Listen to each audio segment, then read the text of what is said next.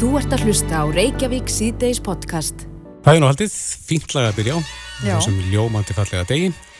En í fréttina vísi.ri segir að hunda og kattaeigundur hafi saminast um undirskriftalista til stuðningsfrumvarfi um breytingu á lögum um fjölegna hús. Mm -hmm. En samkvæmt þessu frumvarfi uh, er því katta og hundahald ekki háður leiði annar íbúa. Einmitt og svo sem fer fyrir þessu frumvarfi er Inga Sæland, formarflokks fólksins og hún er sestirni hjá okkur. Velkomin. Já, takk fyrir og fer fyrir því í þreyðja sinn. Ég er nefnilega búin að mæla fyrir því tvisar áður. Og hvernig hefur það gengið? Akkur hefur þetta ekki farið lengra? Því ég er í stjórnar anstöðu og það er rosa marga skúfur í fastanendunum sem að halda okkar málu þar mm. og fær, venjulega er okkar mál ekki velkomin í líraðslega umræðu í aðra umræðin í þingsal. En af hverju finnst þið nöðsynlegt að breyta þessu? Já, það er í rauninni, við erum alltaf að heyra af sorgarsögum út í samfélaginu þar sem að, að fólk er orðið eitt eftir jáfnvel og, og eina sem það hefur uh, í, í félagskap er kísinsinn eða, eða voffinn sem er kannski búið að fylgja fólki í mörg ár. Mm -hmm. Nú er uh, þessi uh, fyrir utan það að þetta er líka eins og, eins og við horfum á það í flokki fólksins, þetta er algjörum mismunun Þetta er, þetta er óréttlátt og, og, og mismunandi að einstaklingur þurfi að hafa efnáði að búa í, í húsnaði með sérbíli eða einbílishúsi til þess að geta haldið gæludýr en það er nákvæmlega þannig sem að lögin er í dag. Mm -hmm. Í þessu tilviki þá uh, er það þannig að einstaklingurinn uh, fær að halda sitt gæludýr svo framalega sem hann er ekki óaland og óferjandi með það því að auðvitað gildir áfram nábílisrettur og, og veriðing við náungan. Mm -hmm. Já, við sögum hérna áðan þegar við vorum að kynna þetta efni inn að, að hunda og kattægandur hafa saminast. Ég held að, sko, er þú eina manneskjan sem hefur tekist það að samina þessar tvo hópa? Nei, það veit ég nú ekkert um. Ég veit bara það líka að fólk saminaðist líka allstaðir í sambandi við þetta blómerahald og nú er nýkominn og, og það sé hann í saga, það er alltaf að nefna það hér að, þau, að, að þessi dýravemdurna samtöku eru búin að gefa út aðra mynd og voru að senda mér hana núna bara á dögunum þar sem eru Íslendinga sem koma fyrir einni, hvað sem það er framkvæmdastjóri ferðarþjónustunar Jóhannes eða ég sjálf og fleiri Íslendingar og, og svo er það Evrópuþingið og það verður að fjalla um blóðmæra hald á Íslandi og maður verður bara virkilega sorgmættur en þjóðin stóð mjög svo þjætt að baki því frumvarfi en það er eitt af því sem setur enn ofan í skúfu eh, þannig að eh, við erum dýravinnir og það, það síndi sér líka þeir mælti fyrir frumvarfinu núna bara um daginn að það er þver pólitísk samstaða í rauninni á, á, á þinginu þannig að það koma, koma einstaklingar úr, úr jáfnvel stjórnarliðinu líka sem að er að fagna þessu frumvarfi og er að þakka fyrir þetta frumvarf hvernig svo sem að þeir myndu greiða atkvæði með því ef það fengi að koma til atkvæða greiðslun í mhm. þingsal það er svo hannu saga. Já, en þetta með að leifa uh, dýrahald í fjölbílishúsum án, án sérstaks leifis, af hverju eru við svona skrítin oft í málefnum dýra? Hvernig er þetta í landormi kringum okkur? Það er allt annað, þar bara ert þú með þinn uh, vinn hvers sem þú ferð og setur með hann á kaffehúsinu og, og hvort sem þú ert á Spáni, Danmerku, Svíþjóð, Nóri, ég veit það ekki, ég, ég hef nú ekki komið eh, á alla staði en, en viða það sem ég hef komið þá að þá vilist það vera talin eðlilegu hluti af tilverunni að eiga, eiga sinn fjórfætta vinn og hann geti fengið að drittla með þess þanga sem þú ferð. Mm -hmm. Þannig að uh, hér var náttúrulega sett bann eh, á hundahald á sínu tíma, ég held að það var 1924, þá var algjört bann á, á hundahald í Reykjavík og það er ekki fyrir ná tíunda ára tögnum minni minn og frekar en nýjunda sem að var farið að hægt, hægt var að sækja um leifi til þess að halda hund og það er ekki fyrir 2004 eða 6 sem að síðan er sko felt úr gildi þetta bann við hundahaldi. Við erum gertnar voðalega fastheldin á það regluverk sem við einu sinni setjum, þetta er svona eins og Sálina Sjónsmýns eh, gamla kettlingi vildu nú koma henni inn í himnaríki til að vera vissum að nættu nú góða vist í, í, í, í andanum eh, hérna og heiliðinni af því að hún bjóst nú ekki við að, að hann er í sendu það nút ef hann einu sinni fengi inn að fara og þannig er það nú líka með löggefn okkar oft á tíðum. Mm að uh, það verist vera auðveldar að setja á jável íþingjandi lögjöf og allafanna lögjöf og, og erfiðara aftur á móti að vinda ofan að því og, og, og uh, taka hana tilbaka. En uh, þetta verist nú vera frekar klipt á skorið og húsfélug getur þá vantanlega að setja einhverja sérreglur ef að þetta væri almennt leift? Já sko það, það fer ekkert á milli mála það, það kom til dæmis umsök frá Hortnafjörðarkaupstað og þeir í rauninni bent og gráða að það var ákveðin agnúi í frumvarpinu til að byrja með sem að hefði orðið þess valdandi ef einhver einn eigandi í, í, í við skulum segja fjölbílishúsinu sem að hefði verið óalandi og ófærandi með e, sitt dýr og hefði verið skikkaði til að fara með það burt af húsfélaginu því það getur gert það að e, þá hefði það í rauninni eins og við settum það fram fyrst nána skiltum alla í því húsi. Þannig að jáfnvel þó að þeir með sín gæludýr þá hefði það geta bitna á þeim. Þannig að við gerðum þá braga bót á, á frumvarpinu og ég vil þakka þeim fyrir að benda okkur á það. Og, og hérna þannig að nú er það bara einfallega þannig að ef þú ert óaland og óferjandi með dýrið þitt þá uh, hefur húsfélagið 100% heimi til þess. Fyrst og síst, síðast þá náttúrulega áminna þig, þig og, og benda þeir á agnúa sem að eru í þinni framgöngu og þinni framkomi með þitt dýr við aðra íbúa í húsinu og ef þú tekur ekki tillit til þess þá er það alfarið e, hússtjórnarinnar að, að hérna, skera úrum þá hefur 100% leiði til þess að e, vika viðkomandi burtu með sitt dýr. En samkvæmt núgildandi lögum þá þarf samþykki tveitja þriðju í búa Já. en e, ef, ef þitt nær fram að ganga þá þarf hvort ég leiði kongs nýja prests? Nei, Aha. það er bara þannig og við teljum að, að hérna við, við þekkjum öll þessi hugtök sem við gerðnar erum að slá um okkur svona eins og jafnbrettisreglan og jafnbræði og mannréttindi og réttaríki og, og meðalhóf og, og mismunun og allt þetta. Í rauninni eiga öll þessi hugtök undir lögjöfuna eins og hún er í dag. Það er verið í raunin að mismuna fólki harkalega. Og venjulega er það sá þjóðfélagsópur sem að býr við spáustu kjörin mm -hmm. sem er nýðst á í allaráttir og líka hvað þetta var þannig að, e, að við höfum kannski sögu ekkit kannski. Það var fullónin kona því sjáu að, að e, e, gömul hjón annað deinu venjulega undan hinnu þannig að eftir sittur annar makkin ekki aða ekkill og þau eru kannski með 6 eða 7 ára hund sem er búin að fylgja þeim og vera vinnu þeirra.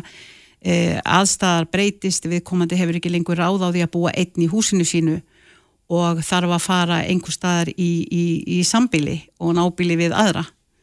Og þá bara, heyrðu, nei, það er bara alveg sama þó þú sett bara orðin alein eða alein og eigir enga, engan náinn vin e, nema hundiðinn að nei, þú farð ekki íbú hér ef þú kemur með þennan hund. Mm -hmm. sko, þetta eru bara svo margar ljóta sögur sem að maður hefur heilt sem urðu þess valdandi í rauninni ég fór fram með frumvarpið. Að þetta er bara ósangjart það er bara einst, ein, einfallega e, orðið hérna yfir það. Það er mismunun í, í, í fjölbílisúsanlögunum eins og þau eru í dag, þau mismuna fólk eftir efnahag. Og við erum að hætta því. Við erum að mhm. hætta að vera mismuna fólk eftir stjætt og stöðu, bara einfallega að hætta því. Áttu vonað að þetta gangi fram núna? Eða náðu fram að ganga? Sko, það, ég veit það ekki, við getum sko, ég, ég veit það ekki maður gerir sér alltaf svo litlar vonir þó maður sé alltaf undir niðri að vonast til að, að, að eitthvað gerir, sérstaklega þegar maður finnur að það er, það er ákveðin jákvæð bylgja fyrir því inn í mm -hmm. þinginu En, uh, en nú búið að hefja undirskriftarsöfnun til þess að stiðja við þetta frumvarp, hefur það eitthvað að segja?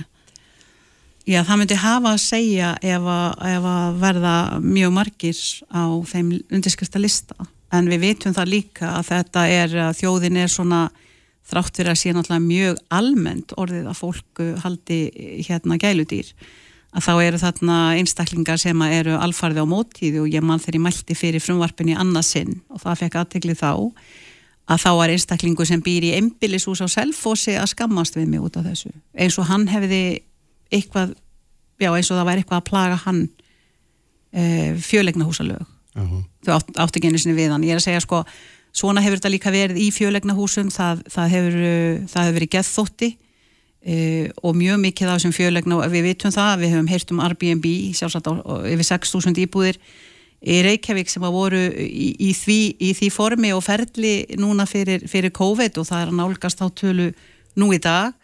Þá hafa gerðnan eigandur þessara íbúða eh, hérna bara hreinlega sagt nei það verður ekki tundahald hérna í þessum stigagangi. Mm -hmm. nei það verða engi kettir hér.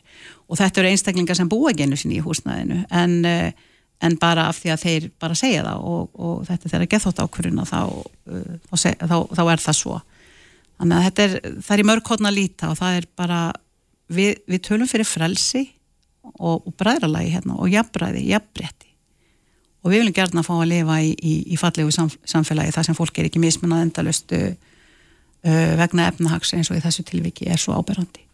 Og, og einn ein, ein lítil saga, ég ætla nú ekki að fara djúft í hana en það er dæmi og hún er nýleg og ég var að heyra hana bara, það var að lítil telpa sem að misti ástunni sína eiginlega nánast uh, stæsta hluta fjölskyldu sinnar hér. Uh, og hérna og gengur í gegnum mikla sorgir og, og andlega áfallastreitur öskun og öll þau nöfn sem ég kann ekki að nefna með öllum þeim kvíða sem þið vilgir og e, leigusali fjölskyldunar e, vildi ekki að hún fengi gæludýr. Það var, var læknisfræðilegum ástæðin sem að, að aðstandendur voru kvartið til þess að fá hund fyrir hana, kvolp, einhvern sem hún gæti grátið í feldin á og einhvern sem hún gæti sagt öll sín leindamál eins og gerist. En það endaði með því að þetta leistist fassalega en það var ekki átaka það var ekki átaka þannig að það er, eh, við sjáum það líka á elli heimilum uh, og, og hjókunaheimilum mm -hmm. þar sem að ég vil hafa verið settar inn svona gerfi kissur uh, og við höfum fengið að sjá það í, í, í kvöldfréttum kvöldfréttunum á rúf og það var nú bara rosa krútlegt fannst mér. Að þá, þá hérna brosi sem að breyttist yfir andlitið á fullun af fólkinu og, og, og þessi ástu sem að það síndi þessu litla lona platdýri. Það sýnir bara og sum, nátt, sum náttúrulega eins og til dæmis sem Ólafsverið það má alveg komið voffa í heimsókn og það ljómar allt það mhm. ljómar, mm. það ljómar allir salurinn þannig að ég mhm. segi sko þetta er bara mennska Já. þetta er bara mennska Inga, við skulum sjá hvort þetta náðu fyrir maður ganga. Það eru 3082 búin að skrá sig á þennan lista nú þegar. Þetta er inn á Ísland.is, þetta finna tengilinn inn í frétt vísis. Mm -hmm, einmitt það. Inga Sæland, formar Flóks Fólksins, gangið verð með þetta, gleðilega páska. Hjartans ekki fyrir að hérna láta ykkur þetta varða og gleðilega páska. Þú ert að hlusta á Reykjavík C-Days podcast. Já, við heldum áfram í Reykjavík C-Days, það er klukkunum hálf fimm. Um, Þingmenn sjálfstæðisflokks álagt um frumvarpum breyting á erðalögum og, og lögum um erðafjárskatt þar sem að það til dæmis lagt til að fóreldra fá að gefa börnum sínum 10 miljónir krónar skatt frjást í arf mm -hmm. og ég var þannig fyrst með umræðin á samfélagsmiðlum og það er mikið skrifað um um fréttir af þessu frumvarpi. Já, sítt sínist hverjum. Emmitt, þetta er svona þrætu eplið, þessi blessaði erðafjórskattur en ekki allir kannski sáttir við þessa nálgun en eh, á línun er Guðrún Hafsteinsdóttir, þingmaður og fer, sem fer fyrir, fyrir þessu frumvarpi. Góðan blessaðan daginn Guðrún. Góðan daginn, selveriði. Og Helga Vala Helgadóttir, þinguna samfélkinga, sittu hérna hjá okkur. Velkomin.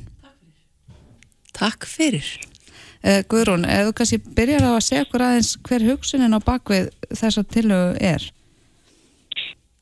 Já, uh, hún er nú kannski svo að ég hef tekið eftir því núna á ýmsum vettvangi að sérstaklega þá eldra fólk að það hefur verið, verið að tala um það að, að e, það vilja gertnan geta aðstofa börni sín nú, með betri hætti heldur en kannski Eh, mögulegt er að sem betur fyrir er það þannig núna í okkar samfélagi það eru margir ágætlega stattir fjárháslega og, og það eru bara fjölmargir sem hafa það ágætt. Og við eigum að hérna gleðjast við því því að, að það er að fækka þeim sem hafa það verð og við eigum alltaf að stefna á það að allir hafi það gott. E og það er dæmum það og ég ætla að lefa mér að fullera að það sé mörg hundru dæmum það ef ekki meira að fólk hafi verið að e, greiða börnu sínu fyrirfram greitan arf Nú ef að fólk vil aðstofa börni sín til dæmis við íbúðakaup eða koma einhverju fjármagnin til barnana að þá er það bara gert með frönnum hætti. Það er að lána fjö að gefa eða greiða fyrirfram greiðan arð. Og ef að við förum nú í fyrsta leiði til nefni að lána börnum sínum e, fjármunni að þá er þeirra að skuldsetja börnin og ekki kannski er það líklegt að það sé svo aðstofn sem að fólk vil veita og með fyrirfram greiðum arfi eða gjöf að þá er ríkisvaldi að hagnast á þeim gjörningi í formi skatt og af fjármunum sem að í mörgum tilfellum hafa verið marg skatlaðir áður.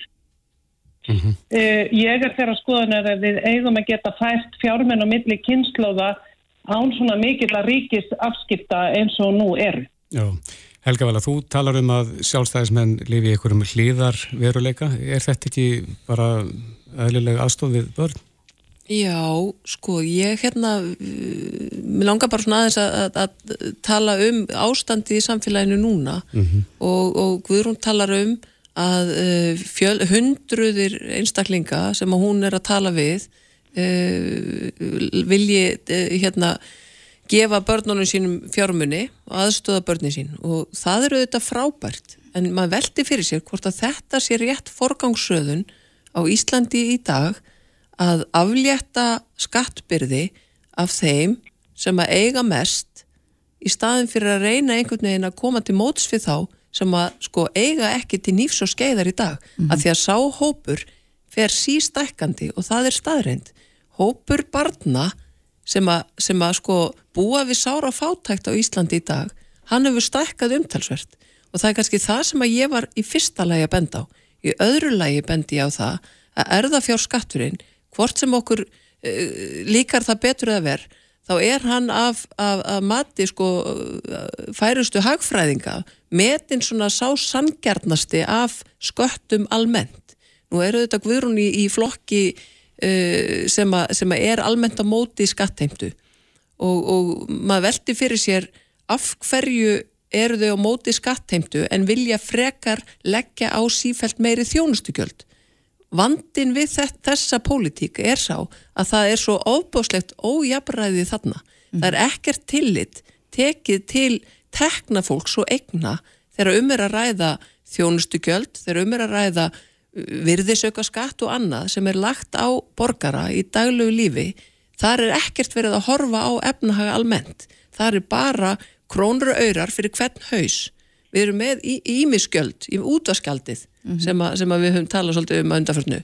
Alls konar svona gjöld, það sem er ekkert til þetta tekið til, til egna, en þarna á einhvern veginn að fara og hjálpa þeim sem er eiga mest til þess að láta fjármunni ganga áfram. Mm -hmm og uh, það, það er það sem ég er að velta fyrir mér er þetta í alvöru talað forgangsröðunin það eru meira þess að hægri sinnaðir hagfræðingar sem benda á að þetta sé svona sangjarnasta skatt heimtana því að þetta er ekki skattar á laun mm -hmm. þetta, er, þetta er gjöf sem að, sem að já, enginn getur átt vona á eða vænst eða búist við Einmitt. Uh, hvað segir við þessu Guðrún? Er forgangsröðunin eitthvað skökk hjá, hjá ykkur sjálfstæðismönnum?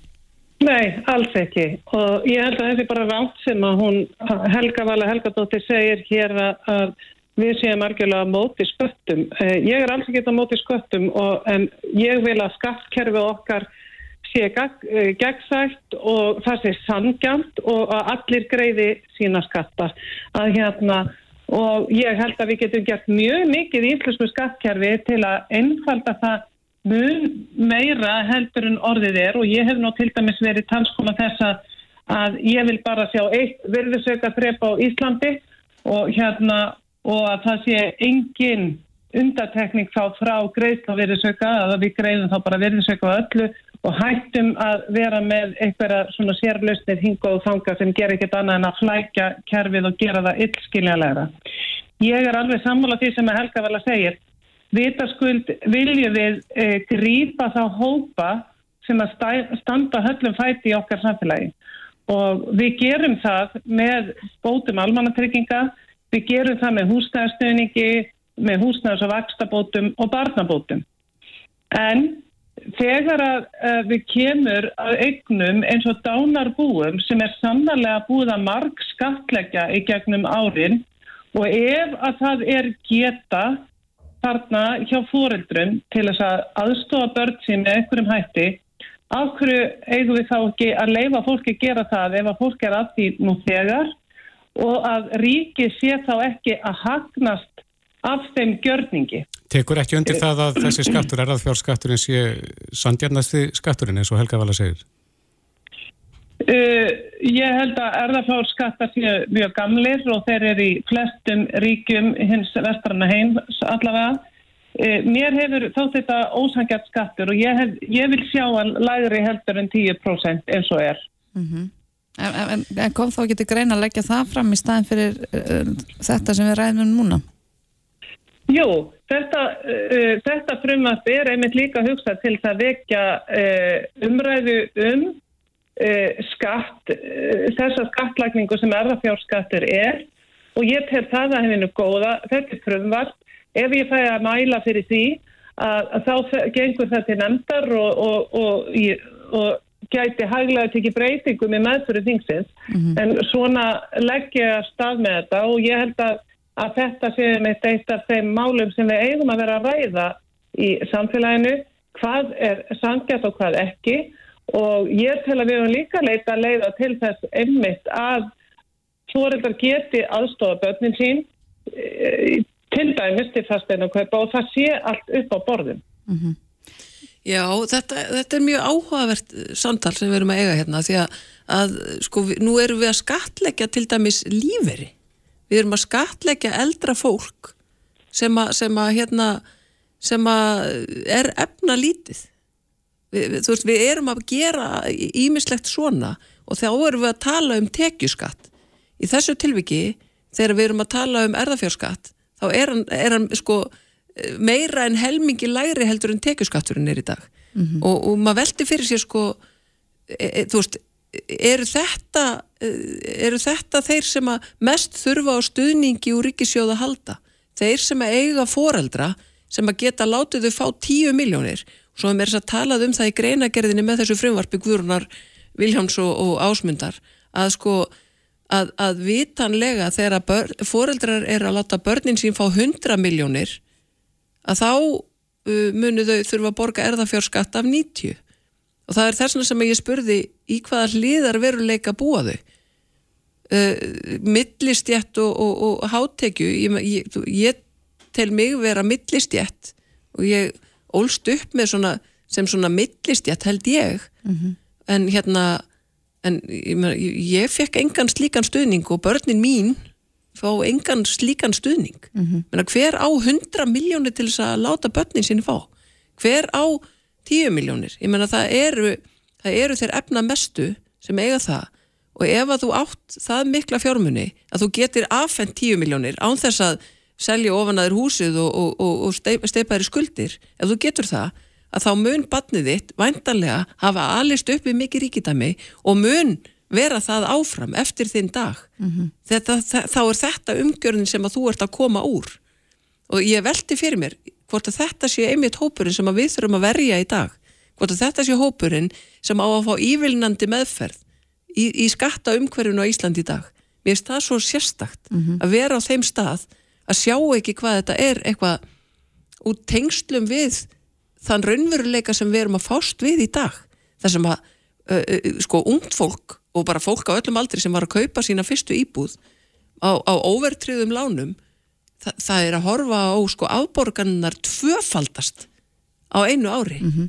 þetta, þetta er vandin í dag og, segir, og það, það er fólki sem að þurft að taka hálán mm -hmm. fólki sem að fær ekki drjúan heimanmund fólki sem að lifir ekki í þeim vellistingu sem að Guðrún og, og þau eru að, að tala inn í af hverju eru við ekki frekar að hjálpa þessu fólki mm -hmm. með ymsum hætti öðrum en, en þessu. En, en, hvað þér... kostar þetta ríkisjóð var, það var frólitt að fá forman efnars og virkjæftanemnda til að segja okkur það. Hvað mm -hmm. eru þetta miklu fjármunni sem þau eru að horfa á? En eins og Guru var að segja það, það er svona fyrsti vísi að því að kannski breyta þessum lögum á einhvern hátt og lækka þessa skattprósentu. Ertu alfarðað á móti því, eigum við að hafa Ég, þetta sko, eins og þetta er? e- eigum við, eigum við kannski frekar að reyna að koma í veg fyrir að fólk sem að, sem að á ekki til nýfs og skeiðar þurfa að borga 20.000 uh, fyrir að fara til læknis Veist, það, er, það er hópur í samfélaginu sem að neyta sér um helbriðistjónustu í hverju einustu veku af því það hefur ekki efnáði að borga þau gjöld sem að nú eru lögð á.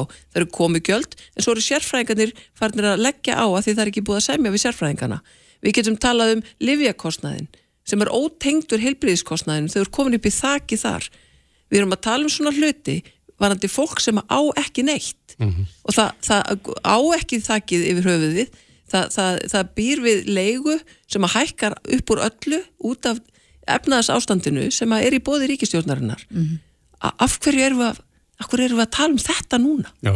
að lækka skatta á þá sem að eiga best Já, Guðrún, aðeins að því að hún spurði er, er búið að leggja mat á það hvað þetta kostar ríkisjóð, þessi tillega? Nei, ég hef ekki lagt mat á því hvað þetta kostar en ég held að sé, þetta sé ekki svo miklar fjárhæðir. Mér langar ná að koma inn á það vegna sem ég veit helga vel að snúa þessu út úr þeim orðum sem að þarna standi greinagerðinni sem eru nótið til útskýringar að allt umfram þessar tíu miljónir það, kom, er koma verða skatlaðar að fullu og þetta dæmi sem þarna er sagt er engöngu nota til útskýringar. Já, þetta er, eh, er, er úr greinagerðinni, þetta er ekki Já, dæmi sem ég bjóð til, þetta er ykkar dæmi. Nei, ég er að segja það, mér finnst þú vera að snúa út af því dæmi og það sem ég er að leggja til hér það sem ég er að leggja til hér er að samræma þessi erðalög e, við það sem gengur að gerist í löndunum í kringum okkur og til dæmis eins og í Evrópu. Og, og mér hefur ekki fundist e, helgaðalega þingmenn samfélgengarinn að vera mikið á móti e, því reglverki eins og er í Evrópu. Og, og þar er þetta og til dæmis í Þískalandi að, að þar mega má eitt hvert foreldri e, fyrirfram greiða barni sínu arf að alltaf 60 miljónum króna á 10 ára tíumbili og að þeim tímarliðnum að þá endur nýjast sá réttur. Já, við skulum Þannig... vendilega tala um það sem er að gerast í Evrópu, það sem hefur verið sett á leiguþak og leigubremsur, það sem, að, það sem e, eigandi húsnæði sem að leigur, leigir það út til, til heimilis, uh, má ekki hækka leiguna upp úr öllu valdi. Við skulum endilega tala um það sem þekkist í Evrópu og Norrlöndunum, þar sem þú borgar ekki fyrir að hitta sálfræðing, þú hefur aðgang að lækni, þú hefur aðgang að velferðar og heilbyrðistjónustu á þess að þurfa að greiða fyrir það. Já, Við skulum endilega tala um það. Nú er svo komið, nú er svo komið Helga vel að það er, er skattleysi dánabjúa upp á uh, 5,7 miljóni króna Þannig að okkur má þá ekki vera skattleysi á einhverju tölu sem að fólk ákveður þá að greiða fyrirfram til sinna barna. Já, við skulum endilega tala um það þegar við höfum efnað þýkvurun, en í dag þá höfum við ekki efnaði að reyka heilbríðskerfið og velferðarkerfið vegna þess að þið ákveðið að hafa það þannig. Þið ákveðið að verja breyðubökin, fór sem um er að ræða stórútgerðina eða aðra og nú ætlið að fara að, að verja hérna stór efnuðu fjölskyldur Já, sem leifum, að geta gefið börnunum sínum 10 miljónir og mér finnst það sérstök fórkvásuð. Leifum Guðrun að svara þessu rétt í lókinn. Það er skattleysi dánabúa í dag upp á 5,7 miljónir. Þannig að þessi tillega, hún er ekkit út úr korti með að við það sem er að gera þetta, ég ætla bara að benda á það. Uh mhm. -huh. Og hérna, þannig að, og þegar að Helgavala talar um að það sé verið að, að, að skatta lífeyristekjur, að það eru auðvitað líka seiktaða skattekjur sem að þar eiga þetta, að það er borgað skattur við útgreifslu. Þannig að e, Ég, sem betur fer að það eru skattar, það eru pólitískar ákvarðanir á hverjum tíma og ég segi nú bara sem betur fer að þá er samfélkingin ekki vant því að þau myndu ekki gera neitt annað en að stór auka skattheiltu á þegnunum og mér... Þetta eru auðvitað bara algjörlega ránt. Mm -hmm. Já, við veitum sækja peningana þangað sem þeir eru Guðrún, Já. það veistu og við höfum lagt það margsinnist til í þinginu og, þa og það hefur verið að gera og þessi ríkistjórn, hún hefur verið að hækka bætur almannatryggingar hún hefur hækka skatleysismörg hún hefur bætt hér húsnæðstuðning mm -hmm. hún hefur bætt húsnæðs og vakstabætur, barnabætur hafi verið auknar þannig að núna eru 3000 fleiri fjölskyldur á þessu ári mm -hmm. að fá hérna barnabætur heldur en á síðasta ári Þannig að það er verið að gera heilmikið fyrir tekjulagri hópana í landinu. Mm, við verðum að, setja, verðum að setja punkti hér þegar verðum sent samanlega um þessi já, mál. Já. Eh, Helga Vala Helgadóttir, Þingun Samfélkingar, takk fyrir komuna og Guðrun Hafstensdóttir, Þinguna Sjálfstæðisflokks. Takk fyrir að vera á línunni. Takk, takk fyrir. Gleðilega páska. Þetta er Reykjavík C-Days podcast.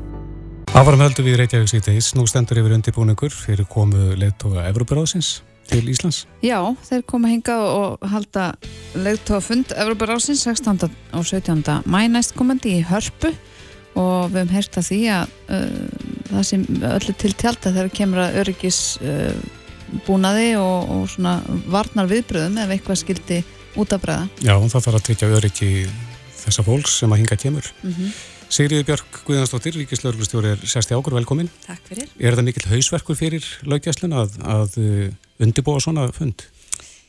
Eh, ég myndir ekki segja að við litum á þetta sem hausverk og finnst, okkur finnst þetta mjög spennandi verkefni. Þetta er stórt mm -hmm. og flóki verkefni og ég er svolítið lístið svo eins og þessi rísastóra almannavarnaæfing mm -hmm. og það koma lauruglum með allstæðar á landinu og starfsfólk lauruglu. Þannig þetta er líka bara mjög spennandi fyrir okkur að, að taka þátt í svona og kynnast við nú líka að menta okkar fólk og, og styrkja íslensku lauruglun á sama tíma þannig að þetta er Þetta er, er, er flókið og umfásmikið en mjög áhugavert og skemmtilegt verkefni. Já, ég velti fyrir mér út að það er líka að koma lauruglumenn erlendis frá og svo eru væntalega þessi þjóðalegt með svona sitt eigið fólk í öryggiskeslu. Hvernig í óskupunum er þetta allt samtvinnað þannig að þetta gangi smurst fyrir sig? Ég náttúrulega, við erum með talsvert mikla reynslu þó hún sé ekki kannski svona, af svona miklu umfangi. Þá eru allir þessir likil þættir sem við höfum unni með áður, við fáum oft erlenda þjóðhauðingja mm -hmm. og, og fólk sem þar fylgdir og þetta er komið í ágætis horf allt skipula og þess áttar og það eru samningar á milli landa um, um stuðning og, og meir reglan er þessi að við erum að horfa á að þess, þeir þjóðhauðingi sem koma hingað, það er í rauninni okkar ríki sem þeir heimsækja, sem mm -hmm. þarf að tryggja öryggið þeirra Þannig að við berum ábyrð á öryggi þessar fólks. Við berum ábyrð á öryggi allra sem til okkar koma í ofnbærum erindagjörðum. Mm -hmm. Þeir koma hins vegar líka með sína verði mm -hmm. en þeir eru undir, sérst, við þurfum alltaf að hafa yfir stjórnina á öllum öllu planinu og öllum aðgerðum og svo framvegs. Þeir munum, verða vopnaði vantilega? Við sem sagt munum heimila vopnaburð í ákveðnum tilvikum, já. Mm -hmm. En það er alls ekki þannig að þú stjórnir því sjálfur hversu marga þú tekum með eða þess áttar. Þannig að þetta er, þetta er í rauninni samstarf mm -hmm. Og samhæfing sem þarna fyrir fram og vissulega munum við fá lauruglumenn ellendis frá þar á meðal vopnaða lauruglumenn en það er alltaf undir stjórn og í fyllt okkar fólks mm -hmm. En hvað með þetta er í hörpu sem er já, miðpuntur borgarnir sem að segja af hverju er valið að halda þetta svona miðsvæðis?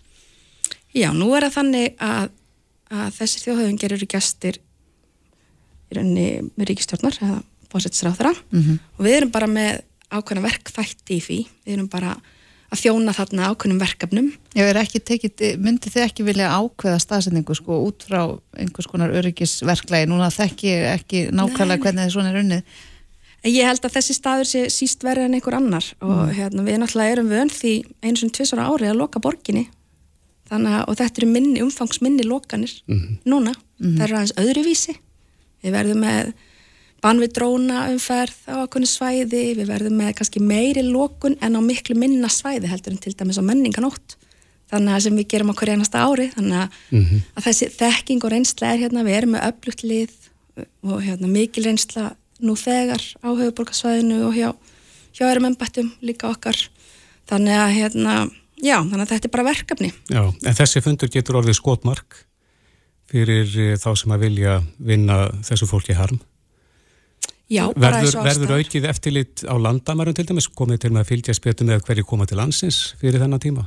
Já, við erum sérst búin að tilkynna það að við munum taka upp einhverja takmörkun á landamærum og það þarf að tilkynna það? það með 30 daga fyrir vara þannig að mm -hmm. svo tilkynning er komin í loftið og síðan munum við bara vinna það með þeim lauruglustjórum sem við eiga sýrilagi á Suðunessum og ef það er alþjóðlegt flug annar stað, þá munum við vinna það líka með þeim og það verður byggt á hættumati og bara eftir þessum viðkjöndu aðferðum þannig að kannski ekki að segja alveg strax í hverju þetta fælst en, en hérna, það verður bara komið ljós þegar nær drefur. Men greiningadeildin þá vinna kannski stærra hlutverk núna fyrir þennan fund? Í greiningadeildin vinnur alltaf áhættumat fyrir stóra mhm. viðbyrði, gerir það á hverju ári og fyrir alla, alla svona stóra viðbyrði og mun gera það þarna. Verður viðbúnaðar hækkaður? Viðbúnaðasti verður hækkað, já einfalla út af, ekki vegna þess að einmitt út af þessum hópi sem kemur í rauninni og er með herri viðmið heldur en við mhm. okkar mm -hmm. hérna, stjórnmálamenn og fórustu fólk er ekki eins hérna, öryggisgráðað eins og er ekki talið verið sem hætti eins og margir af þeim þjóðhugum sem komaðinga mm -hmm. bara út af mismunandi menningu, mismunandi aðstæmi hverju landi og svo framins þannig að það sem við erum að fara að gera er að mæta þeirri stöðu sem þeir koma með inn í landið. Ég veit ekki hvernig ég á að útskýra þetta mm -hmm. betur. Semst. Þetta er ekki þannig að, að við séum að hækka út af einhverju ástandi hjá okkur, heldur erum við að hækka út af þessari gestakomin til að geta mætt þeim öryggiskröfum mm -hmm. sem eru gerðar til okkar. En eins og segir þá náttúrulega hafið þið mikla reynslega að loka borginni en, en þá tekur almenningur þátt í háttíðarhöldum. Hvernig mun almenningur finna fyrir þessum viðbúnaði þegar það kemur þessum viðbúnaði? Jú, við ætlum að opna svolítið umræðina þegar nær dregur það, má, það verða einhver áhrif sannarlega og þá sérstaklega að það getur raskanir út af fyldum, það verða umferðafyldir sem að lörgla hauporkasvæðinu byr hitan og þungan af. Mm -hmm. og um, það má búast við einhverju röskun og umferð. Og við ætlum að upplýsum þetta við og, og utaríkisránitið þegar nærdregur og Reykjavíkuborg mm -hmm. og vonandi verður við, við erum að vinna gagvirku korti þar sem fólk getur máta sig við aðstæður. En það sem er náttúrulega þarna er að þetta er í meiri viku þannig að ég vona sem flesti kynni sér aðstæður, kynni sér lokanir til þess að reyna að láta þetta ganga eins, eins hratt og öruglega og hægt er en þetta er ekki langu tími, þetta eru tveir dagar mm -hmm. þannig að ég er ná að vona að hérna, þetta gangi bara allt eins og smurt. Hvað með mótmæli? Gerir þér áfyrir að það verði mótmælendur sem að koma til með að mótmæla og meðan þessu stendur? Já, við gerum ráð fyrir því og það er eitt af hlutverkum lörglu, það er einmitt að, að tryggja það að mótmælendur geti mótmælt í friði og, og hérna ber ekki tjón af og, mm -hmm. og, og þannig að hérna, já, já, við gerum ráð fyrir því og það er alveg eini skiplaðin okkar hvar svo aðstæða verður. Sérna hefur við vonað mjög stórum hópa frétta fólki við sverað, þannig að það er líka inn í skipulæinu mm -hmm. og mikið samstarf mitt við Norðurlandin og bara samstarf utryggisræðaneti en alltaf bera hitan og þungan af skipulæinu mm. og, og hérna bara gott samstarf hérna á milli og mjög margir aðilar sem koma að þessu. Við erum að horfa á fjarskiptastofu samgöngustofu hérna, já, varandi net, örgismál það eru bara alls kynns aðlar sem að við erum í samskiptum við öll lögurliðin á landin eru undir mm -hmm. með einum með öðrum hætti, nánast allt starfsfólk lögurlu kemur að þessu mm -hmm. en auðvitað verða raskanir í tengslum við umferðarfylgdir, fólk mm -hmm. mun finna fyrir því og þessum lókunum og sjálfum fundardögunum og síðan hefur ég verið spurða því hvort þetta geti haft áhrif á á í reyni mála eftirfylgni og þess áttar og við reynum auðvitað að hafa þessi minnst áhrif þetta er ekki langu tími fyrir sjálfan fundin mm -hmm. en, en það fyrir mæntalega mikil tími í undirbúningin Já, það fer tími í undirbúningin við erum þegar búin að þjálfa fyrir í kringum 10.000 klukkustundir en lauruglan verður miklu sterkar á eftir og sumt af þessu fyrir bara inn í árlega þjálfun og þess áttar mm -hmm. Hvað verður áhrifasvæðið stórt? Mun þetta fólk fara á gullfoss og geysi og skoða náttúruna eða?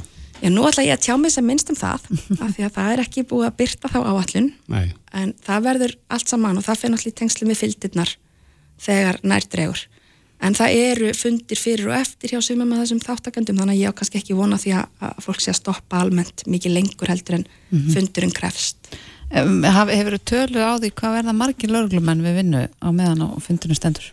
Ágættist tölu á því en ég ætla ekki að plýsa það fyrir eftirfundin mm -hmm. af öryggisástæðum En, en þeir sem að verða vopnaðir, verða þeir sínilegir almenningi? Já, þeir verða sínilegir almenningi og við munum bara ræða þetta og, og sína þau spil sem við getum sínt fyrir fundin og það hefur mikið þjálfun farið fram, ég menna það verður örgulega, já það verður náttúrulega fólk hérna líka í búningi frá Norðurlandunum mm -hmm. og, og með vopn en alltaf undir stjórn íslenskra lauruglu og í fyllt íslenskra lauruglu, við erum ekki að fara það er ekkit sjálfstætt vald að koma að inn sko. það er ekki sjálfstætt laurugla að koma inn það er ekki utan að koma inn nema bara til þess að styrkja okkur og hjálpa okkur mm -hmm. Þetta er eisavaksið verkefni þetta er hvað, 16. og 17. mæ? Já Þannig að það er smá tími til stefnu Sigriði Björk Guðansdóttir Ríkis lauruglustjóri Kæra það ekki verið að koma og gangi ykkur vel Takk fyrir Þetta er Reykjavík C-Days podcast Já, það var klukkan bara alveg að vera hálf sex og við erum svona við það að setja nýja könnunin á mhm. vísi.is og bilgja.is Já, og hún snýrað því sem við rættum við Ingo eh, Sæland hér í uppafið þáttar Já. en hún leggur til að lögum um fjölbílishús dýrahaldi fjölbílishús sem verði breytt á þá lund að það þurfi ekki samþykki annar íbúa í fjölbílishúsum til þess að mega halda gæludýr Einmitt og það, uh, það er komin að stað undirskrifta söfnunin á Ísland.is mm -hmm. þess að styðja við þetta frumvarp sem hún hefur nú mælt fyrir tvísvar og er að leiðin að mæla fyrir því í þriðarsinn þetta verður ekki gengið í gegn en en það verðist vera komin mikil, mikil meðbyr með þessu frumvarpi í, í samfélaginu. Akkurat 3360 hafa reyta nafnsitt og það þarf rafræn skiluríki til þess að setja nafnsitt á þennan lista Einmitt Já, en, en okkar konun kemur inn á vísi.is og belgjum.is innan skams, við kvetum ykkur öll til þess að kjósa, kynum niðurstöður á, í þættum á morgun. En uh, nú yfir í allt annað. Uh, Þorstein Sæmusson fyrirverandi þingmar miðflokksins er á línni, góðan að blæsaðan daginn Þorstein Já, góðan daginn, komið í sæl. Já, svolítið skemmtilega fyrirsögna á skoðanapisli inn á vísi.is Rekum Rúf og HF að heiman. Já. Hvað meinar það með því? Eh, ég legg út frá því í greininni að, að margan hátt er rúf bara eins og unglingur sem að, sem að býr heima á foröldunum sínum og liftir ekki litla fingri til þess að, að hérna, hjálpa til veit eða neitt og lifir eiginlega bara í sínum eigin heimi eins og, eins og Rúf gerir að mörgu leiti og þess vegna finnst mér eins og ég segi þarna að við eigum að reyka á Rúf að heimann og leifa þeim að, spjara sig bara í, í raunveruleikanum, í, raun, í raunheimum og, og eh, taka þátt í alvöru samkeppni við aðra fjölmila. Já, hvernig, já, hvernig á að gera það, Þórstur? Já, ég legg til þetta vegna þess að sko, þetta er náttúrulega kveiknaði út af, út af þessu uh, þegar fjartablaði lokaðum daginn og auðvitað er hugur minn hjá þessum hundrað sem að mistu vinnuna og vonandi ekki einhver allt til hjá þeim mm -hmm. en, en málið er þetta eins og þið náttúrulega þekkið best sjálf að, að eiga í samkeppni við rúf sem að lifir eins og ég segi bara sjálfstæðu lífi og, og, og hérna þeir, þeir fá fjárveitingar og fjárheimildir bara nánast með því að rétt út hendina og það kom nú fram núna um daginn að að millir 2021 og 2023 þá hækkuðu fjárheimildi til, til fyrirtækisins um 1 miljard síðan hafa þeir 2 miljardar í, í, í sagt, hérna og þar með fór svo upp að upp í 5,7 miljardar og síðan hafa þeir 2 jöflýsingatekjur mm. og það sem hefur verið lagt til finnst mér í þessari umræðu er eiginlega að, að varpa þessum bolta yfir á ríkið þar að segja annarkort að kipa rúf út af, af auðvisingamarkaði og hvaðan haldi því að þessar 2 miljardar sem að þá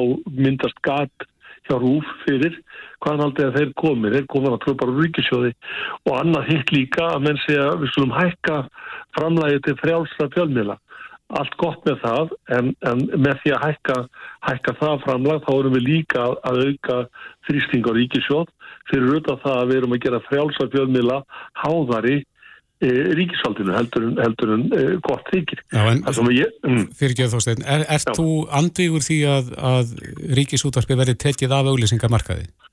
Já, mér, mér finnst miklu nær að við förum þessa leið sem miðflóksmenn hafa lagt til nokkrum sinnum og Bergþór Ólarsson hann, hann hérna meldi nú fyrir þessari tillögu núna held ég á, á haustþinginu að það er að segja að fólki verði, verði bara ekki selt sjálfdæmi um það hvert þessi nauðungar áskrið sem er 20 skall á manna á ári hér á Íslandi mm -hmm. hvert hún fer, hvort hún fer likar eða heimildarinnar eða rúf eða hvert og, og rúf sem sagt bara sem sagt takið þá þátt í því að vinna sér inn góð vild hjá, hjá þjóðinni sem að þeir segja að tafa og það er það bara fínt tækifæri fyrir rúf að, að, að sína fram á það og sanna það að þeir hafi þessa góð vild meðal þjóðarinnar sem myndi þá bara sína sig í því að þeir fengju, fengju hérna í sinn hlut tölvöld af þessum tekjum. En, en, en, en ætti Rúf að þurfa einhverja góðu vild út í samfélaginu á Rúf ekki bara sinna einhverja svona grunn uh, skildu sinni?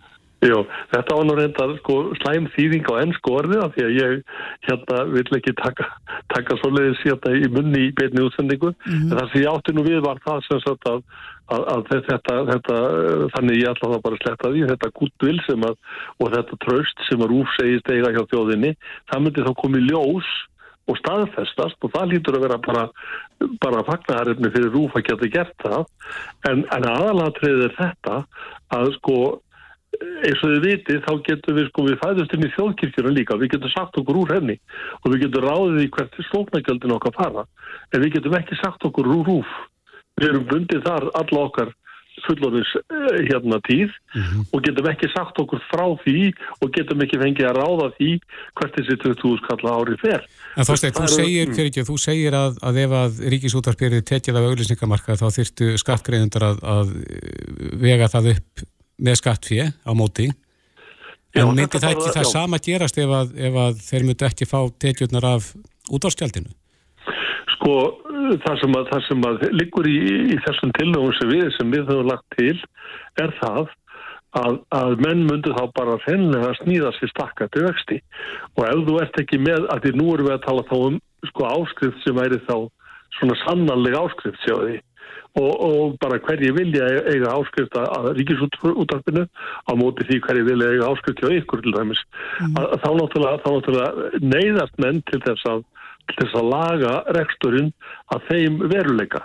En það sem ég óttast er það að ef rúf, rúferi tekið af auðvisingamarkaði að, að stjórnmálamenn muni bara hlaupa til og bæta þeim það upp þessar 2 miljardar sem vandar en gera enga gröfu til þess að að fyrirtæki hægraði með einum öðrum hætti nema náttúrulega það er náttúrulega myndi blasa við að auðvisingadeildin myndi leggjast af þá og hún er nú að býsta mann mörg en enga síður að þá er það dróp í hafið miða við svona þá þann starfmannafjöldar sem, sem þarna er. Mm -hmm. En, en eh, Þorstein, af hverju er ekki bara þetta að tala sér niður á einhverja niðurstuðu? Við erum svolítið alltaf að tala um uh, þennan fíl í stofunni eins og sumi kallan en mm -hmm. stjórnmálinn geta ekki komið sér saman um neina lausn og ástandi fær bara að já, dratta svona áfram einhvern veginn.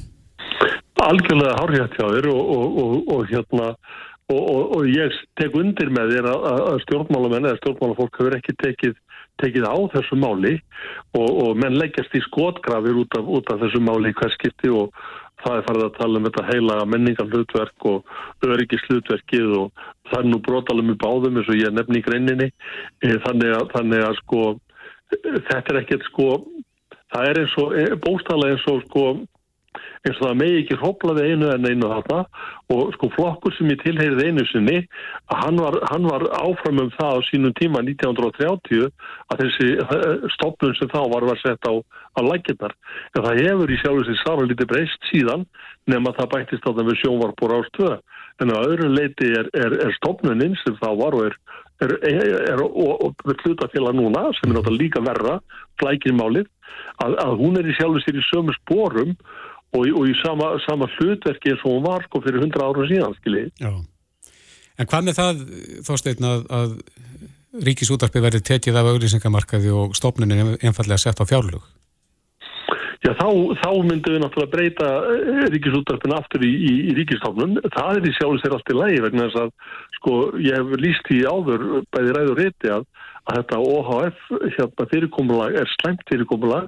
Það er svona stjórnskipilegur bastarður vegna þess að uh, hvernig, hvernig á það að vera að fyrirtæki sem er, sem er ekki, eins og maður segir, uh, hérna undir, undir hérna regluverki ríkisins færi sífællu sko meiri fjárheimildir frá ríkisjóði en, en ríkisjóðu sem slíkur eða, eða handhafar hans og, og þeir sem hafa verið kostum til ábyrðar að þeir hafa ekkert um það að segja hvernig þessum peningum er varið sjóði. Nei og stopnunum heyrir ekki undir samtjefnis eftirlit.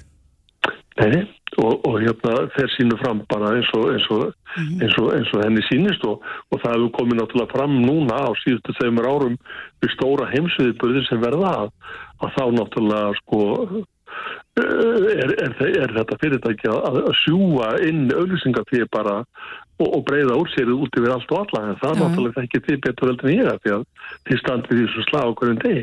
En hefur þið trúið eitthvað breytist núna? Það er náttúrulega mikið högg að fá þessar frettir af, af frettablaðinu og ringbröð en, en gleimist það svo bara ekki og við höldum áfram að rýfast út í það óendarlega? Já, mér finnst nú að þeir sem hafi tekið til máls, til dæmis stjórnmálamenn hafi, hafi skoðu tekið teki þetta mál mjög alvarlega og þetta er þetta mikið alvöru mál eins og ég lísti hann strax fyrst.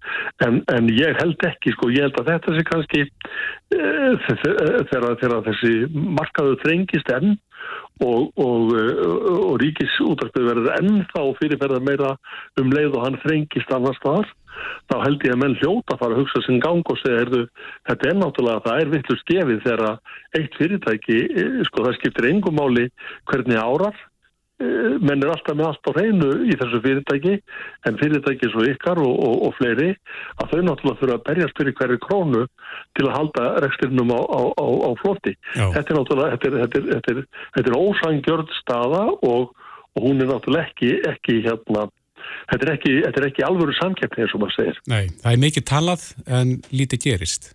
Rétt. Já, kannski breytist það núna. Þorstein Sæmusson, fyrirhandi þingmaður miðflóksins og situr endar í stjórn miðflóksins. Takk kærlega fyrir spjallið og gleðilega páska. Já, gleðilega páska, það var gott. Takk sem leiðis. Reykjavík síðdeis á Bilginni podcast. Já, Reykjavík síðdeis heldur áfram. Það eru mjög slæmar fréttir sem að berast frá bergstöðum í húnaþingi vestra. Mm að koma upp breyða. Já og þurfti að, og þar var lóa öllum 690 kindunum á bænum. Mm -hmm. Og svo heyrum að það er fréttum að einhverja takmarkanir verða á sveðinu næstu tvo áratugin eða svo. Já. Þetta er, þetta er mikið högg. Einmitt og ég veit að margir hlust á fréttir og heyra þetta orð riða en vita kannski lítið hvað riða er. Einmitt. Hún er sest hérna hjá okkur Sigurbrók Dagadóttir yfirdýralagnir, velkomin Takk Já, ef við kannski byrja þar, hvað er riða? Ríða er hægfara heila hörnuna sjúkdómur. Mm. Svona skilt sjúkdónum Jakob Krösvildisís og, og bara öðrum smittandi heila hörnuna sjúkdómum. Mm -hmm. Er þetta bara ásmittandi? Eh, þetta er smittandi, ekki bráðsmittandi en, en það tekur svo langan tíma frá því að smitt berst inn í dýr og þanga til að klínisk enginn koma fram. Það geta verið 8 mánuðir, það er þetta styrsta sem að hefur greinst en oftast er það 1,5 til 2 ár Já. getur farið upp í 5 ár Hver eru enginnin? Enginnin eru eh, mjög mísjöfn en þetta er svona tauga enginni þetta getur verið skjálti svona tín í höfði riðu nafni kemur af því að uh, skefnan eða, eða kindin hún riðar að aftan það kemur svona slettu gangur í. Ganglegið mm -hmm. síðan fylgjur slíka kláði og það er tauga enginni En, en þá má eh, vantalega búast til því að reyðan sem greintist á þessum tiltekna bæ, bergstöðum, mm. uh, skeppnur hafa farið frá bænum síðustu ár. Má það ekki gera ráð fyrir að, að þessi reyða greinist annar staðar í nágruninu? Jú, við erum alltaf óttumst það að það gerist. En ég vildi kannski bæta við þarna með reyðuna og hún endar alltaf með döðar. Sko. Já, ákveð löngum tíma. Það er mjög misjamt. Þetta getur verið þú veist, hvernig byrjuði fyrstu enginni, hvernig sáum enn fyrstu enginin, það er líka það sko. En þetta er búið að vera lengi uh, á Íslandi, til, á Íslandi. sem 1874 Já, svo langt áttur já. En uh, er engin liv til við þessu? Erum við ekki komið það langt að þess að lækna þetta? Nei, sko reyða síkillin eða sjúknámsefni sem veldur reyðu er, er, er príjón kallað, þetta, þetta er bara prótein sem er í líkamannu bara með heil, heilbröðum líkama en eh, getur breytt sér yfir það að vera sjúkdómsvaldandi efni mm -hmm. og, og veldur þá þessum skada í, í heila. En hvernig smitast þetta milli kynnta?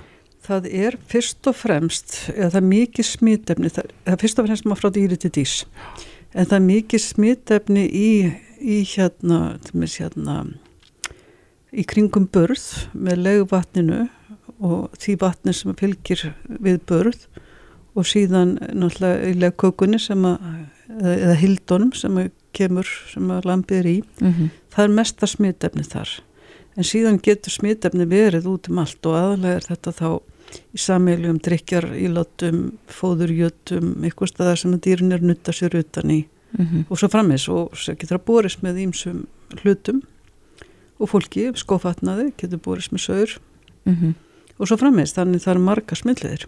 En, en þegar riða kemur upp þá þarf að aflífa öll dýr? Já, það er nefnilega ekki tinnin lækning við þessu mm -hmm. og þetta olli svo miklu búsifím í Íslandi að þegar að vest létt, þegar Íslands stjórnvöld ákváðu að grípa, gegn, grípa til aðgera gegn riðveiki að þá var mikil, mikil afföll, það voru all 20-25% afföll í hjörðum þegar, þegar vest létt mm -hmm. þannig að ásetningur þar sem lömp sem að settur á hausti þau dugðu ekki til til þess að halda stofnunum uppi. Þannig að það maður búast því að af þessum 690 kindum að þá sé verið að fella meiri hlut af heilbriðum dýrum ekki heilbriðum þau getur verið með síkil nýsir að þess að klínisk enginu séu komið fram og það er þannig, það er ekki klínisk enginu sjáaleg núna í dýrunum En það er ekkert að býða og sjá Það var mjög óskinsamlegt að býða og við erum búin að vera í þessum aðgjörum sem 1986 að reyna að losna við reyðuna á Íslandi. Mm -hmm. Það var gengið vel en þetta tekur mjög langan tíma og sérstaklega vegna þess að smittímin er svo langur. Þannig að það er engin leið að skema fyrir reyðu í... Nei. Nei. Greiningin á reyðu er, það þarf að aflífa dýru og það þarf að taka heila síni til þess að kanna mm. hvort, að, hvort að þetta príjón finnist í síninu. En smitast þetta bara milli kinda? Það smittast fyrst, og fremst á milli kinda og, og það hefur ekki verið nein, neitt sínt fram á þá og ekki neitt inn í myndinu að fólk hafi smittast af riðu, kindariðunni. Og ekki önnur dýr heldur. Og ekki önnur dýr heldur en einhvern veginn var kúariðan til. Þannig að hún sem hafa komið upp í Breitlandi á nýjund áratögnum sem hafa allir miklum búsið með Breitlandi og víðar um heim einhvern veginn var þann til í fyrsta skipti og mm -hmm. það mhm. talið er líklegt að það hafi farið í gegnum að, að þetta príjun hafi breytt sér þannig að það fór að smita nöðgrippi. En það þarf ekki að fella önnur dýr á, á bænum þá? Nei, ég bara segði því. En, en hvernig, þú segir að við sem að reyna að útrýma riðu, hvernig er þetta annar staðar bara í löndunum sem við berum okkur saman við? Já, eins og í Európu sambandinu og Európu ríkjunum, þar er verið að rekta gegninni og við erum að rétt að byrja sjálf og Íslandi að rekta gegninni.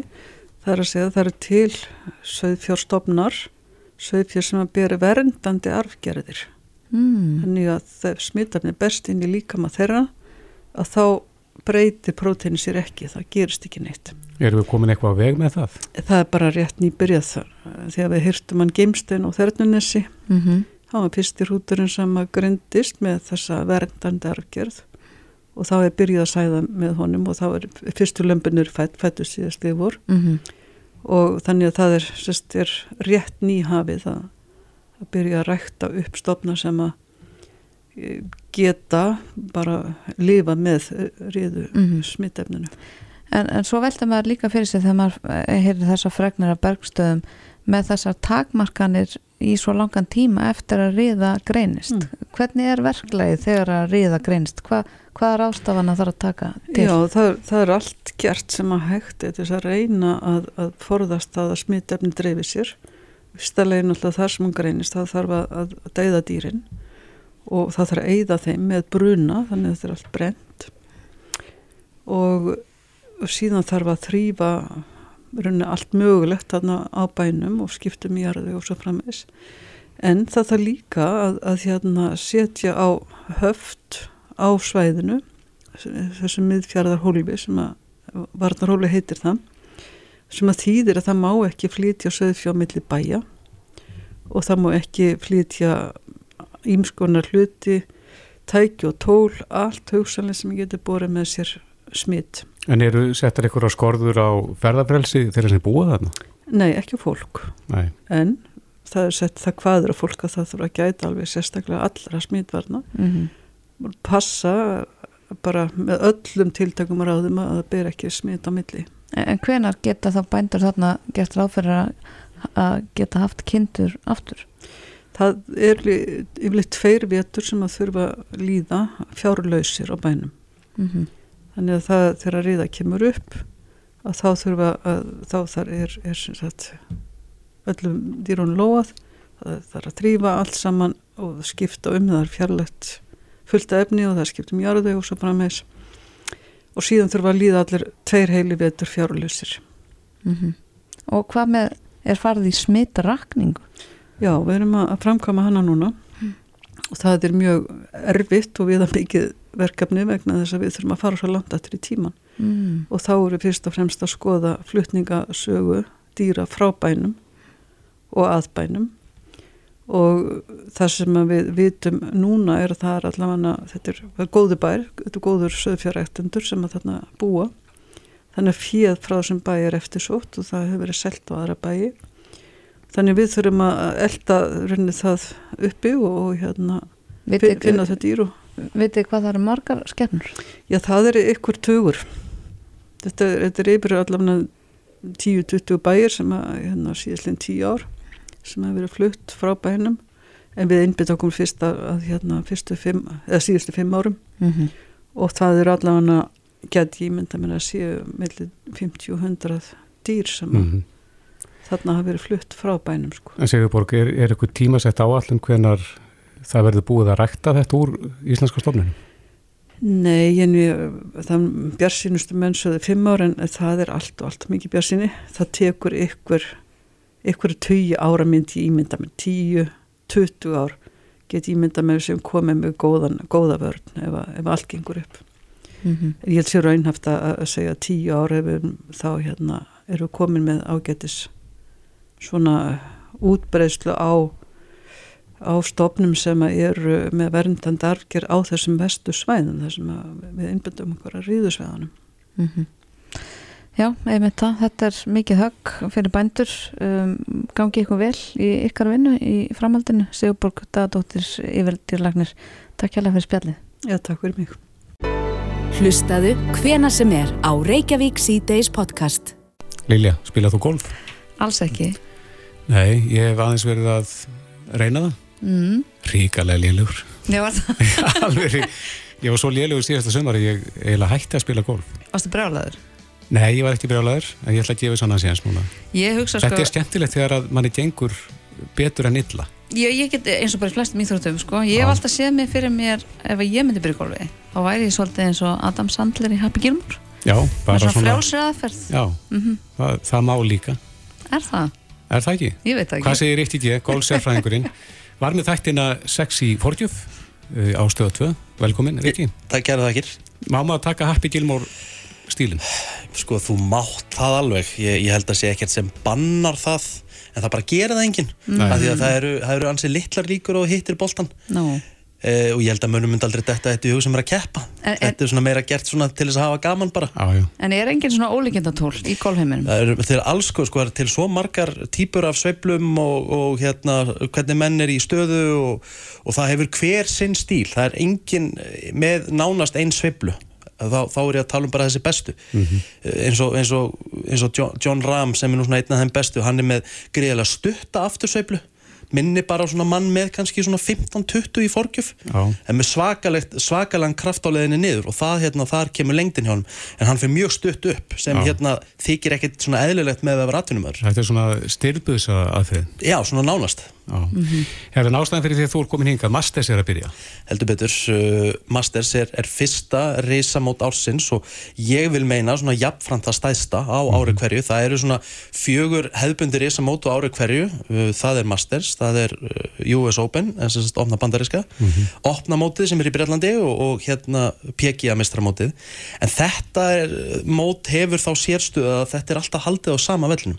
Mm. Masters mótið er alltaf haldið á Augusta National vellinum og þetta er alltaf svona í kringum páskaleiti og þetta svona kemur svolítið golfsömurinn á stað fyrir okkur Íslendingana. Já, og þetta hefur alltaf fengið greiðalegt áhorf. Það er keft um grænan jakka. Já það er græni jakkin sem græni jakkin frægi og þetta mót eh, hefur svona þá sérstöðu að líka að, að það eru oft ólíkinda tól sem vinna. Ó, sem koma bara og, og slá í gegn. Þannig að við höfum séð marg oft óvænt úslit á seguvöðurum og það er það sem gerir þetta mót svolítið sérmyrandi en en getur maður þá sérst að maður veit ekkert um golf Væri þetta svona gott fyrsta mót þess að fylgjast með? Er bara ekki spurning því að hérna það er rosalega falleg tónlist undir það er gríðilega mikil virðing uh, það er hver einasta hóla hefur mikinn sjarma rosalega fallegt og þetta er mjög gott sjónvarsefni bara til þess að sitja og horfa á horfa á þessa bestu og reyna að læra eitthvað. En þú sagðir tónlist spiluð undir. Er Já. það á vellinum eða Nei, í sjónvarpinu? ekki á vellum, það kemur svona í sjónvarpinu þá kemur svona rosalega fallegt undirspil sem er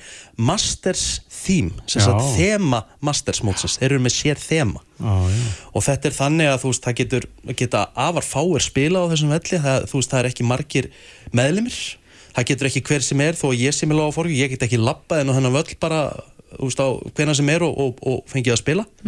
Og það er líka þannig að það getur ekki hver sem er uh, komið á völlin og fengið að horfa á þetta mót, þú þarft sko að sækja um það. Já, það með að hérna, áhugin er gríðalur En hverjir með að keppa?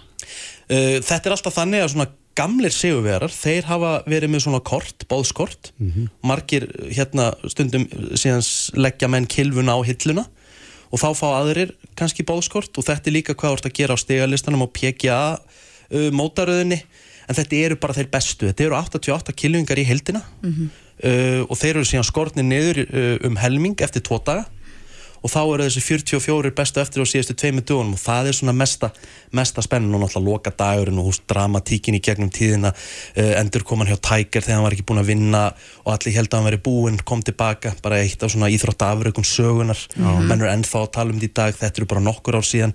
Það kemur ungur breti fyrir einhverjum tæpum tíu árum síðan að nafni Danny Willett kemur og vinnur mótið, vissi enginn hver hann var mm. gamall Argentínumar Angel Cabrera sem fáir vissu svona hver var þannig, kemur og vinnur mótið það með þú veist, það getur allt gerst og, og þó að þessi bestu eigi að vera sigurstránglegustu það er ekkit sem, sem, það er ekkit sama sem merkja á baku það en, en er eitthvað að byrja að spá í spilin?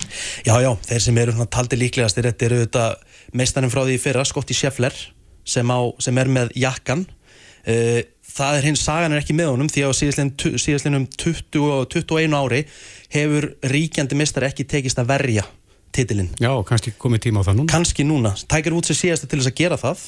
Uh, en hefðin er fyrir því að þegar sigurvegarin uh, þegar sigurvegari vinnur þá krínir sá sem vann jakkan árun og undan þá klæðir hann hann í jakkan Mm, en, en talandi um Tiger Woods út að ég er nýlega búin að horfa á hvað heimstar þætti eða mynd um Tiger Woods Já. og maður var svona búin að gleyma hvað hann varð mikil rockstjarnar í golfheiminum og utan vallar líka. Breytti bara í þróttinni uh, erum við með einhvern svona svona Tiger Woods rockstjörn í golfinu í dag? Málið það að þessi, að þessi kallar í dag eru bara svo rosalega góðir. Þeir eru svo, svo tæknilegi, þeir hugsa svo mikið um skrokkin, þeir, eru- þeir eru endalist í liftingar sem þeir eru ekki bara að slá gólboltum En það er til til að nýtt það er nýtt á að nálinni lyfta. þeir eru fannir að lifta, þeir eru orðnir miklu svona sterkari, þeir eru orðnir hérna þeir eru minna, sem sagt, þeir eru, þeir eru hvað segir maður, minna í fytuprósentu og þeir hugsa meira um sig minna í, í drikju á meðan þetta var svolítið öðruvísi hérna í gamla þetta það með þessi kallar eru fannir að slá mikið, mikið lengra heldur en þeir sem voru að gera kannski fyrir 20 árum síðan. Og þess vegna er svo erfitt fyrir þessa í dag eins og Tiger að ná þessum gæjum með að vera í uh, kaliberi við þessa gæja sem eru þeir bestu í dag. Er tígurinn með núna? Tiger er með og Er hann líklegur til áreika? Sko málið er það, það er, það er allt líklegt þegar Tiger Woods er annars vegar. En sko ég, ég veit ekki hvað þú fengir í stöðulum til að setja á hann sem seguvera maðurinn náttúrulega var heppin að missa ekki fótinn í slisi ekkit svo fyrir löngu síðan. Hefur Og náttúrulega aðlega sér svolítið að- heldur að betur. því. og maður sér alveg að hann er haldur og hann spilar, hann spilar, hann spilar bara reglulega, hann spilar ekki oft í mótum en svona móti sleppar hann ekki Ok, en þá er ég að spyrja uh, hvort skiptir meira máli tæknin og líkanlegt atgerfi eða andlegur hliðin? Er það að tala um bara yfir höfuð í golfið á Já. þessu móti? Bara yfir höfuð í golfi út að ég ímynda mér að andlega hliðin takir Hún rosa ekki stórt. risastór Já, það er, það, þú veist sérstaklega þú er komin í, í ákveðna getu þá tekur andlega hliðin svolítið við en þegar þú ert að byrja þá er þólimaði sem er líka partur andlega hliðinni hún er mjög mikilvæg eins og að tala um Kristoffer þólimaðin hjá þér er mjög mikilvæg svona til þess að byrja með. Já, gefast hafa- ekki upp. Hafa það í huga, Já. í sumar En hvenær byrjar útsending? Herðu, á, sko, við verum með þetta alla páskana. Við verum með gríðarlega hérna, mikla upphittun fyrir lögata og sunnudag sem eru loka tveir dagarnir. Fáum golfhetjur í, í sett til okkar spáum í spilin, förum yfir fyrstu tvo dagana. Uh, við byrjum hins vegar annað kvöld á henni frægu par þrjú keppni Já. þá fara kilvingandir í svona keppni á par þrjú hólum, svona stuttum hólum reyna að ná hóli í höggi. Og það er eh, eitthvað sem við byrjum klukkan sjö annað kvöld á. Uh, svo hefjum við útsendingu setni partin á fimmtudag frá fyrsta formlega deginum á Masters. Og er þetta hvað fram á sundag? fram, langt fram á sunnudagskvöld þannig að páskarnir eru klárir fyrir fíkla eins og mig og, og, og fleiri sem eru að lusta Já, veisla fyrir golfara. Og golvara Reykt ekki, takk fyrir komuna Reykjavík síðdeis á Bilginni podcast. Heldum áfram hér Reykjavík síðdeis um, svolítið skemmtilegir þættir inn á vísi. Bílaþættir uh, torkgaur. Ég er ekki drosa mikil bíla áhuga manneskja Nei. en mér finnst torkgaurinn svolítið skemmtilegur. Já, hann gerir bílamál áhugaverð. Já. Já, og uh, nýjasti þátturinn fjallar um BMF ramagsbíl uh, og hann segir sjálfur hérna í þættinum sko, eða í viðtali á vísi að þetta sé svolítið erfiður hópur. BMF aðdándur að sko að geðjast þeir eru vanir, vanir ákveðnum ákveðnum stíl þannig að það verður svolítið kræfjandi fyrir BMF að reyna að útfæra einhvers konar ramagsbíl já, nú torkgaurin sjálfur er á línunni James Einar Becker Sætt og bless Já, góðan daginn. er þetta ekki ágætis lýsing á svona BMF nötturum ef svo má segja Ég er rosa ánæður að nota þér einmitt orðið nöttarar, sko. Þetta er, hérna, þetta er ákveðin uh, trúarhópur, má segja. Og af hverju er það? Af hverju eru BMF aðdándur svona svakalega gallharðir? Sko, það er, ég, svo sem er ekki alveg viss hvað það er, en ég held að sem að uh, gera það aðalega er að þeir eru sko afturhjóladrifnir og uh, eins og allir vita að þá eru afturhjóladrifnir bílar eru bara svona sönn, uh, sönnun alvöru kallmennsku að- hérna, geta kyrst um á svoleiðis og, og spólaði ringi og svoleiðis. Það er kannski það sem þetta byrjar. Mm. En, hérna, en svo er þetta líka, hvað maður að segja, ákveðin status. Það er alltaf ákveðin status að, að keira um með eh, hérna bláa og hvita merkja framann sko. Sem, að, eh, sem er gaman að segja reynda frá. Það er margir sem að ha- halda að bláa og hvita merki framann á þess að BMW merki sjálf sé sko flugvilarhefill sem að snýst rosa hratt út eða BMW framliti flugvilarhefla allra fyrst. Og er það satt? Nei, það er nefnilega ekki satt sko. Þessi blái og hérna hvíti litur, þetta er sem sagt litur bæjarlands. Já, Þess að- ef að, ef að þið skoðu til dæmis hérna merki frá bæinn mun hér sem er líka frá hérna bæjarlandi þá Mhm. sjáu þið sömu liti og, og, og sama form þar. Já, en uh, þetta snýst um það að, að BMF er að fara yfir í rafmagnið.